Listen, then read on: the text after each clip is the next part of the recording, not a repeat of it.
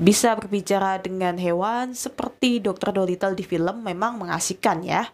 Rasanya seru bisa paham apa yang dikatakan oleh hewan peliharaan kita maupun hewan liar yang kita temui. Apakah kita bisa melakukannya juga? Atau ini hanya sebatas fiksi saja? Kauntas Dimensi, kali ini kita akan bahas tentang memahami bahasa binatang dan tumbuhan.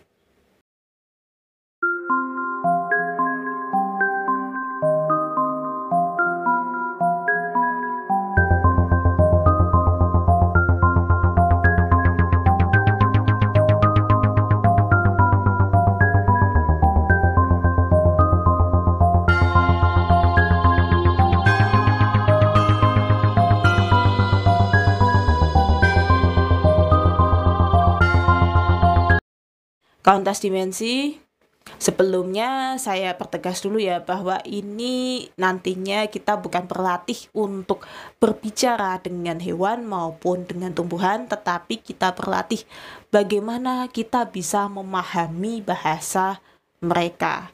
Jadi mereka sebetulnya juga bisa berkomunikasi eh, dengan kita ya, cuman ya dengan cara mereka maksudnya gitu, tidak seperti yang kita tahu. Mungkin kalau di film-film digambarkan sebagai mereka bisa menggunakan bahasa Inggris ataupun bisa menggunakan bahasa Indonesia. Tetapi kalau yang aslinya itu sebetulnya tidak seperti itu sih kalau dimensi. Apalagi itu yang tumbuhan ya. Karena kalau tumbuhan sekilas kita lihat wah diem aja sih. Ya paling kalaupun ada pergerakan ataupun ada tumbuhan yang ini ya mengalami perubahan gitu itu karena dia bertumbuh. Ada daun baru ada bunga kemudian ya ada buahnya itu yang kita tahu ya secara tapi sebetulnya mereka juga punya perasaan punya mereka juga paham begitu kan bagaimana manusia itu memperlakukan mereka mereka tahu sebetulnya. Dia kalau kita berbicara seperti ini ya sebetulnya kita akan dianggap seperti orang gila ya. Tapi gak gak gila. Ini memang ada gitu ya. Dan memang ya hanya orang-orang tertentu saja yang bisa. Dan saya juga pernah cerita ya tentang salah satu adik angkatan saya yang bisa berbicara oh berbicara bisa memahami bahasa tumbuhan waktu itu di episode Indigo Natural kalau nggak salah. Coba bisa diputar lagi episode itu.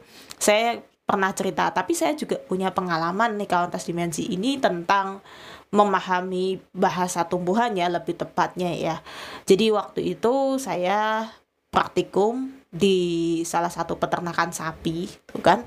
Nah biasa ya namanya anak-anak mahasiswa itu begitu datang kan pasti langsung keliling dulu lah lihat-lihat oh bagaimana kondisi sekitar. Sebetulnya ya namanya peternakan ya apa sih? Bukan sesuatu tempat yang terlalu ramai atau bagaimana. Bahkan tanah di sebelahnya pun masih kosong jadi banyak tanaman liar. Dan saya memang tidak terlalu keliling terlalu jauh ya. Takut kalau hilang.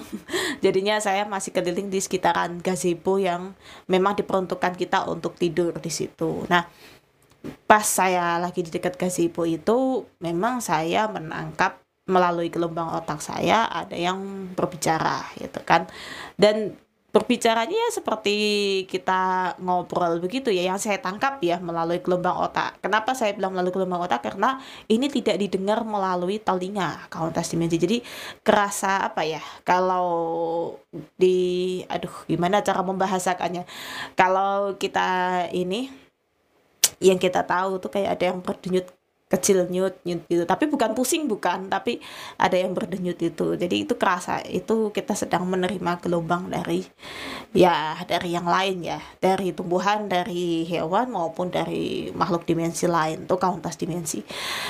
Ketika saya sedang lagi berada di dekat gazebo itu memang saya merasakan itu. Dan yang ditangkap adalah setelah sampai di otak tentunya berubah menjadi suara ya berubah menjadi suara dan suaranya itu dia bilang sini sini gitu.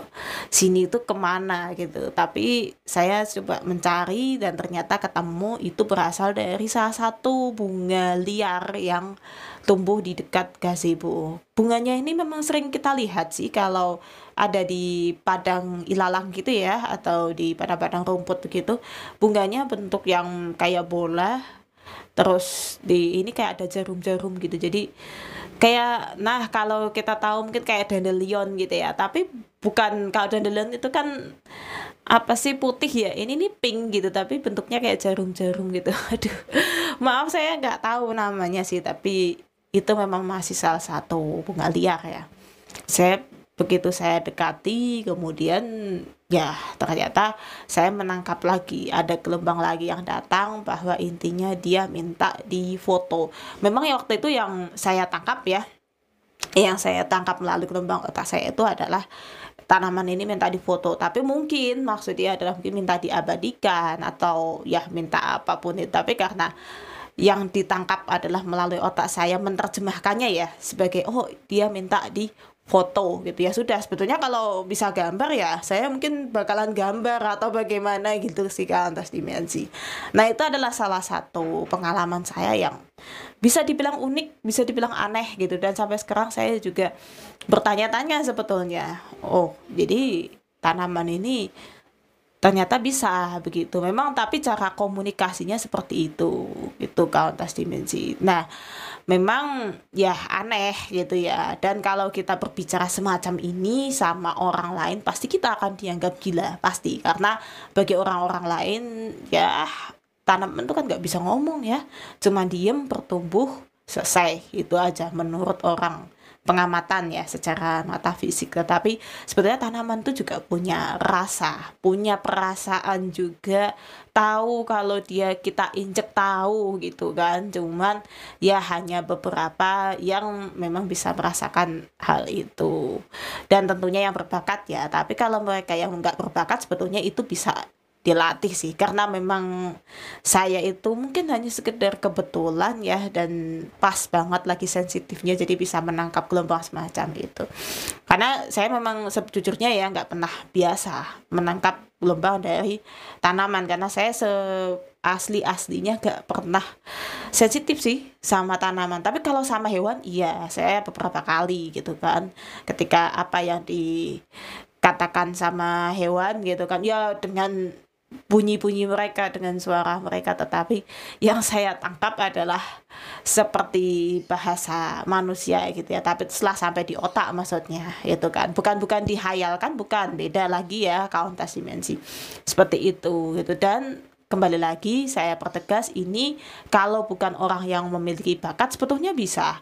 Tentunya adalah dengan cara sering latihan. Nah bagaimana cara melatihnya? Ini juga untuk hewan ya. Bisa juga setelah ini kita akan jabarkan latihannya seperti apa. Dan satu lagi kalau kawan tes dimensi mau fokus untuk hewan hanya bisa untuk hewan saja. Tapi kalau kawan tes dimensi mau fokus untuk tumbuhan ya bisa nanti hanya tumbuhan saja. Kenapa kok hanya bisa salah satunya? Karena kita nggak mungkin menguasai keduanya. Sekalipun memang ada orang yang bisa sensitif di keduanya ya. Tapi kembali lagi itu karena mereka sudah punya bakat. Tapi kalau yang belum punya bakat, kita berbicara tentang orang yang belum punya bakat ya, ataupun memang ya biasa aja. Ya salah satunya ya kita kalau mau berlatih di salah satu kita fokusnya ke mana?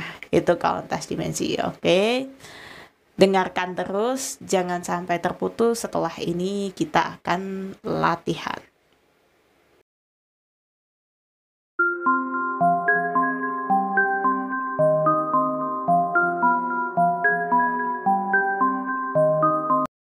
Nah, kauntas dimensi untuk sesi latihannya memang ini latihan yang cukup panjang ya. Tidak bisa dilakukan dalam ya tiga bulan ataukah enam bulan, bisa jadi sampai dengan satu tahun. Jadi ini memang butuh pembiasaan yang luar biasa ya. Karena kauntas dimensi setidaknya kalau mau bisa memahami bahasa hewan berarti harus mau memelihara hewan. Saya menyarankan kucing. Tetapi kalau kauntas dimensi sudah punya anjing atau punya anak anjing silahkan. Usahakan memang kalau ini hewan dia sejak lahir sampai dengan hewan ini dewasa itu ya salah satu melatihnya dengan cara seperti itu jadi benar-benar bahkan kalau perlu misalnya ini hewan yang melahirkan ya benar-benar dari proses melahirkannya kita pun melihat dari dia kecil dari dia dirawat sama induknya sampai dengan nantinya hewan ini besar itu. Dan perhatikan terus setiap kali kita memberi makan kita lus-lus ya atau ya kita perhatikan kita ajak main seperti apa reaksinya kemudian apa sih dari sana nanti kita akan belajar sedikit demi sedikit. Memang ini tidak bisa langsung saya berikan misalnya nanti akan terjadi seperti ini. Enggak sih enggak bisa seperti itu karena ini makhluk hidup yang bergerak yang dia punya perasaan juga dan tentunya ini harus pelan-pelan itu ya. Jadi jangan dibayangkan sekali lagi hewan ini kemudian bisa berbicara dengan bahasa manusia gitu. Enggak ya itu kauntas dimensi. Nah, kalau misalnya kauntas dimensi ternyata tidak punya hewan yang ya dari melahirkan ya, misalnya bisa juga beli anak ayam yang di pasar itu ya, atau ya misalnya menemukan satu sarang burung yang di situ sudah ada anakan burungnya gitu kan. Disuapin di kita rawat gitu kan. Selayaknya kita induk mereka itu nggak apa-apa gitu kan. Kalau itu burung kan berarti harus disuap ya. Kalau misalnya itu anak ayam kan masih bisa makan sendiri kan. Bisa beli yang anak-anak ayam itu. Itu bisa kita rawat terus sampai dengan ayam ini dewasa sama burung pun juga seperti itu. Nantinya akan ada kedekatan ya chemistry. Karena salah satu kunci untuk bisa memahami bahasa binatang kita harus punya chemistry dulu sama hewan. Kalau kita nggak ada bahkan kita benci bahkan kita kesel ya. Ya namanya hewan kan pasti buang kotoran atau apa pun. Ya memang agak cukup sulit ya tapi bisa sih. Karena saya juga kan jijik ya dengan kotoran tapi itu harus bisa kita atasi. Kalau kita sudah niat kita memang ingin punya hewan peliharaan dan ingin bisa memahami satu hewan ini saja nantinya bisa. Nantinya pun akan terbiasa. Itu kauntas dimensi. Nah kalau misalnya kauntas dimensi males ya karena hewan ini kan masih buang kotoran atau ya kadang muntah sakit dan sebagainya Countess dimensi bisa coba untuk tanaman. Nah, kalau tanaman memang saya sarankan dimulai yang ditanam dari bijinya. Jadi benar-benar dari biji, belilah polybag sama media tanam ya. Benar-benar ditanam di situ, letakkan di tempat di mana matahari ini bisa menyinari tanaman ini gitu. Jangan dipindah-pindah tempatkan ya. Kalau bisa di situ terus supaya sinar mataharinya bisa masuk dengan baik ya dan nantinya bisa membantu pertumbuhan tanaman ini. Itu countess dimensi karena saya pernah mencoba, saya pindah-pindahkan dan ternyata malah nggak cocok jatuhnya kalau nggak dia kerdil ya mati itu jadinya kalau misalnya countess dimensi beli aja deh di luaran ya bisa sih tapi beli itu ibaratnya apa ya kalau kita uh, punya anak gitu kan itu sama dengan seperti kita mengambil anak dari orang lain gitu. Jadi ya penyesuaiannya akan bisa lebih lama lagi. Dan satu lagi kalau misalnya ini tanaman karena dia tidak bergerak ya dan tidak punya mulut jadi kita bagaimana kita tahu kan tidak mengeluarkan suara juga. Nah satu-satunya cara adalah kita sediakan waktu. Misalnya kalau tes dimensi mau pagi ya berangkat ke kantor ataupun pagi mau ada aktivitas yang lain sediakan waktu. Setidaknya saya sarankan 5 menit atau lebih bagus sih di 10 menit ya.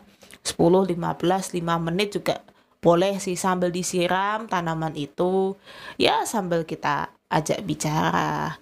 Kita berterima kasih dia sudah mau tumbuh apa dan ya macam-macam gitulah. Tapi ya kalau dilihat di luar doang ya pasti kita bosan ya.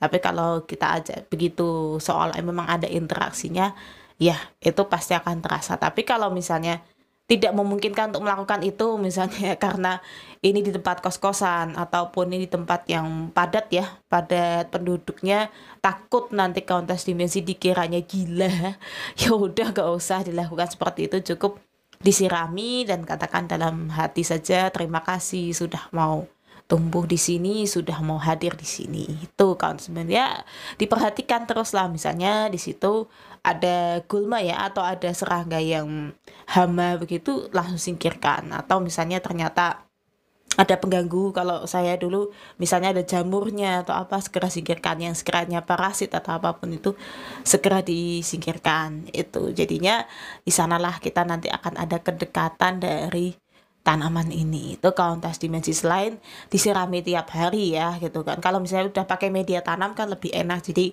gak perlu bolak balik ditambahkan pupuk. Tapi kalau misalnya masih tanah biasa kan tentu kita tambahkan pupuk. Kemudian ya kita harus bikin pestisida alami. Kalau nggak mau bikin pestisida alami ya semprot pakai pestisida yang kimia cuman kan tidak disarankan karena kita sambil berlatih nih memahami tanaman itu ya. Jadi usahakan segala sesuatunya memang tidak menggunakan ya bahan kimia atau hal-hal yang cukup mengganggu ya mengganggu keseimbangan alam sih sebetulnya sini. Karena kan kita ingin memahami dari satu tumbuhan itu seperti apa sih itu dan nanti dari situ akan terasa gitu ya. Timbal baliknya akan ada. Cuman ya saya gak bisa kasih ini ya setiap orang tuh beda-beda. Ada yang mungkin dalam waktu tiga bulan tiba-tiba surprise ya dan ternyata dia bisa menangkap bahwa tanamannya berterima kasih kembali juga atau apa pun itu bisa bisa yang seperti itu ataupun ternyata harus menunggu satu tahun baru bisa merasakan nah ada yang seperti itu juga. Intinya adalah dalam melakukan keduanya baik memahami bahasa binatang maupun memahami bahasa dari hewan ini lakukan dengan hati. Itu kauntas dimensi oke? Cukup sekian ya silahkan bisa dicoba latihannya. Terima kasih sudah mendengarkan sampai episode kali ini dan salam semesta